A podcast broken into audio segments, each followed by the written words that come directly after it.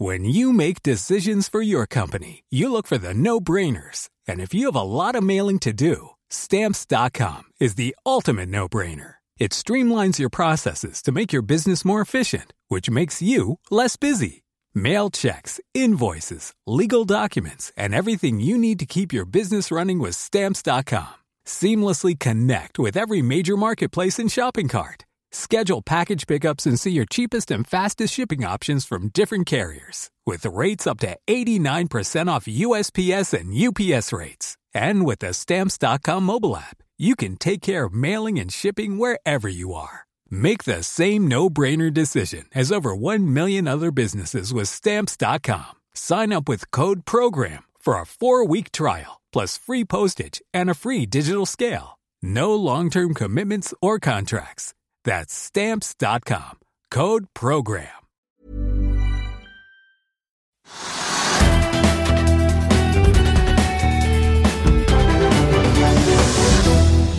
Velkommen til Økonominyhetene. I dag skal vi se nærmere på teknisk analyse av Tomra. Vi skal, også innom Europa, Asia og USA-børsene. Vi begynner her hjemme på Oslo Børs. Ned en halv prosent nå, Trygve. Hva er det som preger markedet i dag? Ja, for det første så er det jo sikkert veldig mange som er skuffet over at markedet er ned. Det er de alltid når det er ned, da. Men uh, poenget er at uh, i de amerikanske børsene satte vi nye all time high i går. Alle de store indeksene. Og det er nok mange som da tenker seg at når indeksene når nye rekorder i USA, så vil det smitte over på det norske aksjemarkedet. Og hadde kanskje forventet en liten oppgang, ikke så veldig sterk, men dog en oppgang for å følge med på det som skjer i Amerika. Og det som skjedde i Amerika, at indeksen gikk, det var hovedsakelig det at folk da trodde at disse handelsavtalene mellom USA og Kina nærmet seg mål, og at det hadde kommet signaler om at toppene skulle snakke sammen osv. Vi har hørt det mange ganger før. Men det var nok til å drive markedet i USA, og da kunne man jo tenke seg at det smittet. Det gjorde det ikke. Og markedet er ned. og eh, du kan si at... Er det noe oljeprisrelatert? Nei, nei, nei, nei, tvert imot. For eh, oljeprisen er jo litt opp. da, Det er nesten 64 dollar per fat for brentoljen. Nesten ikke helt, men snuser på 64-tallet. Og Det kunne jo fått da Equinor og de andre oljeaksjene som vi definerer dem opp, men det har de ikke sett. Så Equinor er faktisk ned 1% og Det skyldes da igjen noe helt annet enn oljeprisen. For oljeprisen er litt opp, men så har da det kommet da oppslag i pressen da om en analytiker har regnet ut at eh, Equinor har investert 800 milliarder kroner i utlandet og har null avkastning på det. det jeg har ikke sett på regnestykket, og jeg kan ikke si om det er godt eller dårlig, men det høres ut som et spennende og ganske morsomt regnestykke. Og har da Equinor brukt, da, som Helge Lund blir gjort ansvarlig for, den avgåtte konsernsjefen hvis, altså hvis, det er sant at de har brukt 800 milliarder kroner rundt omkring på land og til havs eller hva som helst borti USA, eller andre steder, avkastningen er null, så er det selvfølgelig forferdelig bruk av ressurser. Så det kommer til å bli mye diskusjon om heretter. Og det er en uroen om Equinor pga. at de bruker så mye penger til å investere og ikke får noe igjen. Det er nok til da å dippe da Equinor litt ned. Ja, altså ned en prosent faktisk ja, akkurat nå. Ja. Men du Trygve, altså, må vi bare rett bak deg nå, så har du den fantastiske, lekre bilen til Elon Musk som triller av gårde. Altså, det er jo noe sånn øh, litt sånn øh, romskip over den Mercedesen du har stående nede i garasjen. Du skal ikke hive deg på den trenden og bli en av de 200 000 som bestiller dette gliset, da? Nei, jeg så det at det var 200 000 som har bestilt den bilen, men det tror jeg ikke er veldig forpliktende. Det tror jeg ikke de har betalt mye for selve bestillingsopsjonen. Vet du hva de har betalt, da? Jeg regner med at de har satt seg på en eller annen liste. De kan ikke ha betalt så mye, for den bilen ser jo ikke ut. Nei, men Man har jo betalt tidligere opp mot 10 000-20 000 for å komme på liste, men her jeg hører jeg at uh, prisen er langt lavere. Ja, jeg tror ikke det er noe særlig å betale for den. lurer Etter min mening, det er jo smak og behag hva man syns om bil, men jeg, altså, den skal konkurrere med de typiske amerikanske trøkkene, som det heter. Det tror jeg ikke den kommer til å klare. Det ser ut som en sånn blanding av sånn romfartøy og noe annet surr. Tilbake fra fremtiden får jeg sånn følelse. Du vet den derre back to the future. Jeg syns ikke den ser ut i det hele tatt, og den tror jeg ikke kommer til å bli en stor slager. Men det, det som var, altså, Tesla var flinke med før, da de kom de første bilene, elbilene, det var det at designen var ganske god. Det var ganske sedanbiler, pene linjer, fine trekk både på hekken og overalt. De var ganske elegante bilene. De matchet de andre ordinære fossilbilene hele tiden. Og når det da kom til halv pris, så kjøpte folk de bilene. For det var ikke noe gærent med dem. Men du ville ikke få kjøpt, solgt de bilene der til halv pris. Men er du sikker på at ikke Elon Musk nå er sånn litt sånn fremtidsrettet da, og liksom spår biltrendene anno 2021? Jo, absolutt. Han er sikkert veldig flink til mye rart. Og at han, at han spår biltrendene bedre enn meg, det kan godt tenkes. Men det er når, de, når jeg ser på byen og designen, så jeg mener jeg at det er skjønnsspørsmål. Det er liksom smak og behag, og den ser ikke ut i det hele tatt. Så tanken bak skjønner jeg ikke. Det er ikke det jeg kan tenke meg de amerikanske truckeierne på bygda, ute på landsbygda i Amerika, at de vil kjøpe den, har jeg ingen tro på. Nei, og når en slegge kan slå hull i både vinduer og, og, glass som skal være helt knusefri. Men tilbake til Oslo Børs, da. Det er jo andre ting som skjer på børsen i dag? Ja, altså en ting som er verdt å legge merke til, det er at Bård Drilling, som da veldig mange snakker om fordi at Tor Grav Trøim er sentral, har vært sentral, og han var liksom sentral i Fredriksen-systemet i 10-20 år og en sånn finansiell tryllekunstner. Uh, engineering in, in, i finance, som det heter. Uh, og han har da bygget opp et kjemperiggselskap som han har lurt på hvordan det skal gå med. og De kom da med tredje, tredje kvartalstall, og det viser et underskudd på, på 700 millioner kroner. Ja. Og, det, og det, så sier man kanskje at det var forventet. De dobler vel minuset fra ja, samme kvartal i fjor? Ja. Og, og, og, så tallene er dårlige, veldig dårlige. og men så sier de at dette er bare på en måte kjøp av billige rigger og få de ut i markedet. Og hvis markedet tar av, så vil de tjene masse penger. Det gjenstår å se.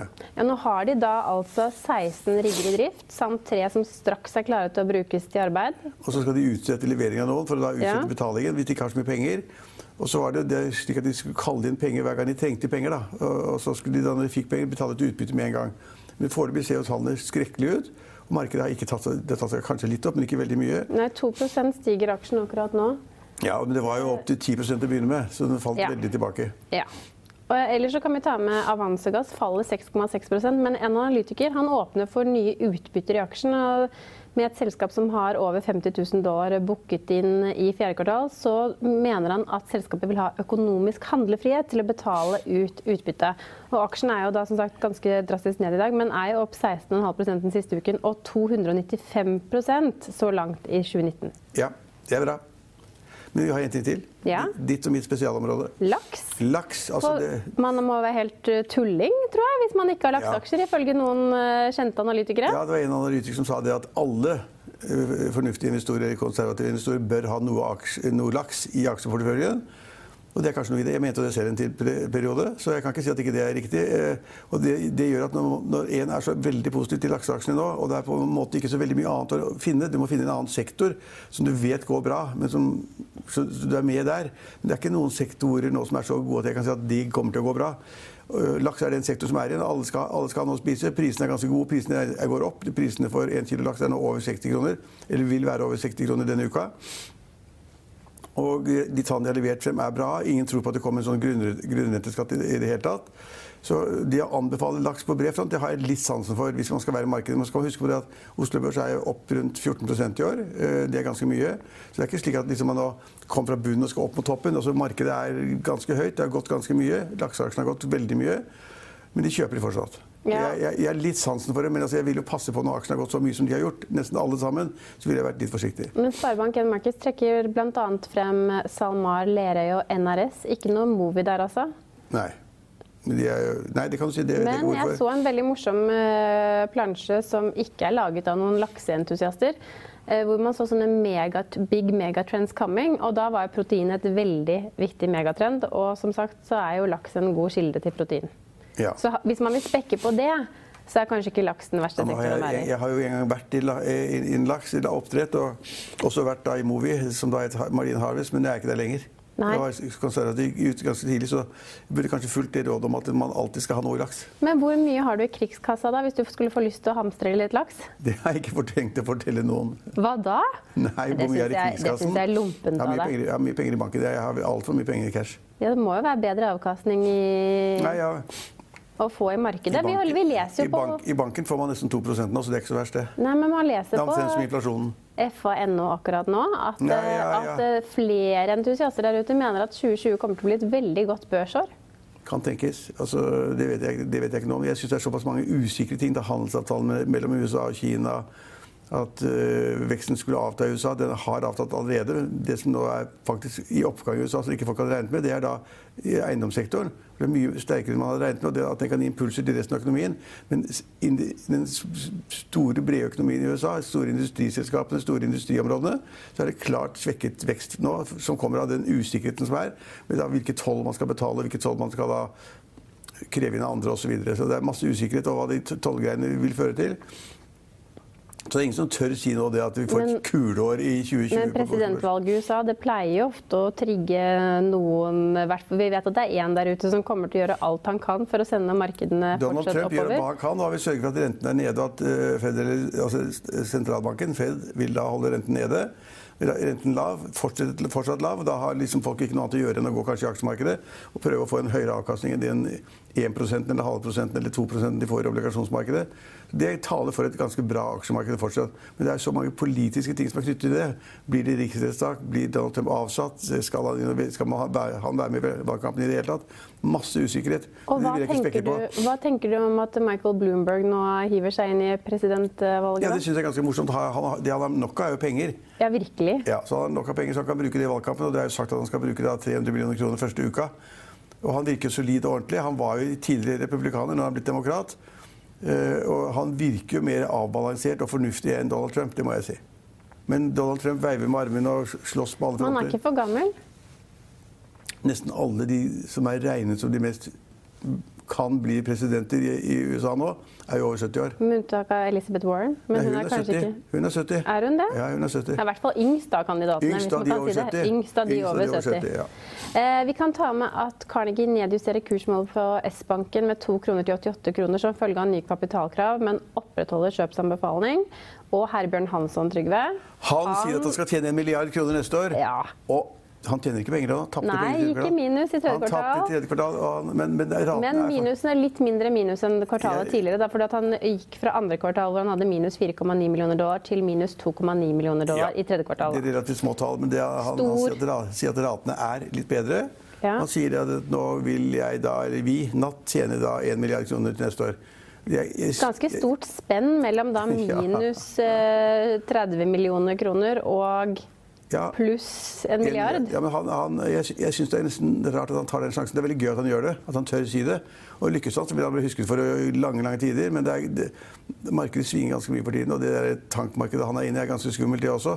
Så å si det at vi skal tjene en milliard, det er liksom nesten å villede markedet litt. Men jeg syns det er gøy at han gjør det. Ja. Jeg syns det er gøy at du er her, jeg Trygve, og ikke på Theatercaféen, men den sesongen er kanskje ikke kicket i gang for fullt ennå. Nei, ikke helt ennå. Finansavisen Morgen kan du bl.a. lese Trygve Hegnars leder om at avtroppende toppsjef i Vy, tidligere NSB, Geir Petter Isaksen, har sluppet billig unna sin annonserte avgang i Vy. Det var alt vi hadde for i dag. Vi er tilbake i morgen klokken 15.30. Da har vi med oss CEO i Flex LNG, Øystein Kalleklev, i studio. Følg med oss igjen da.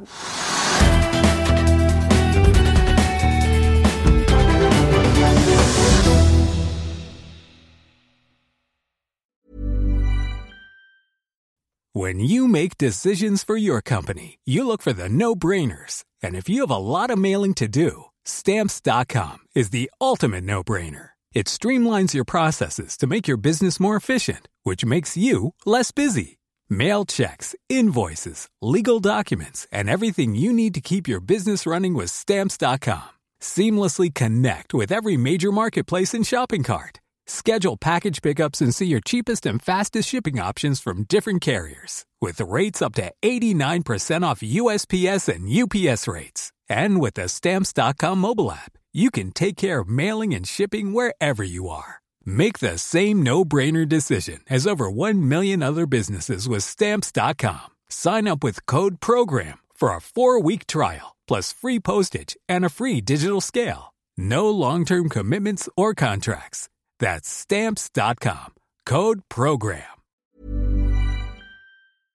Økonominyhetene er en podkast fra Finansavisen. Programledere er Marius Lorentzen, Stein Ove Haugen og Benedikte Storm Bamvik. Produsenter er Lars Brenden Skram og Bashar Johar. Og ansvarlig redaktør er Trygve Hegnar.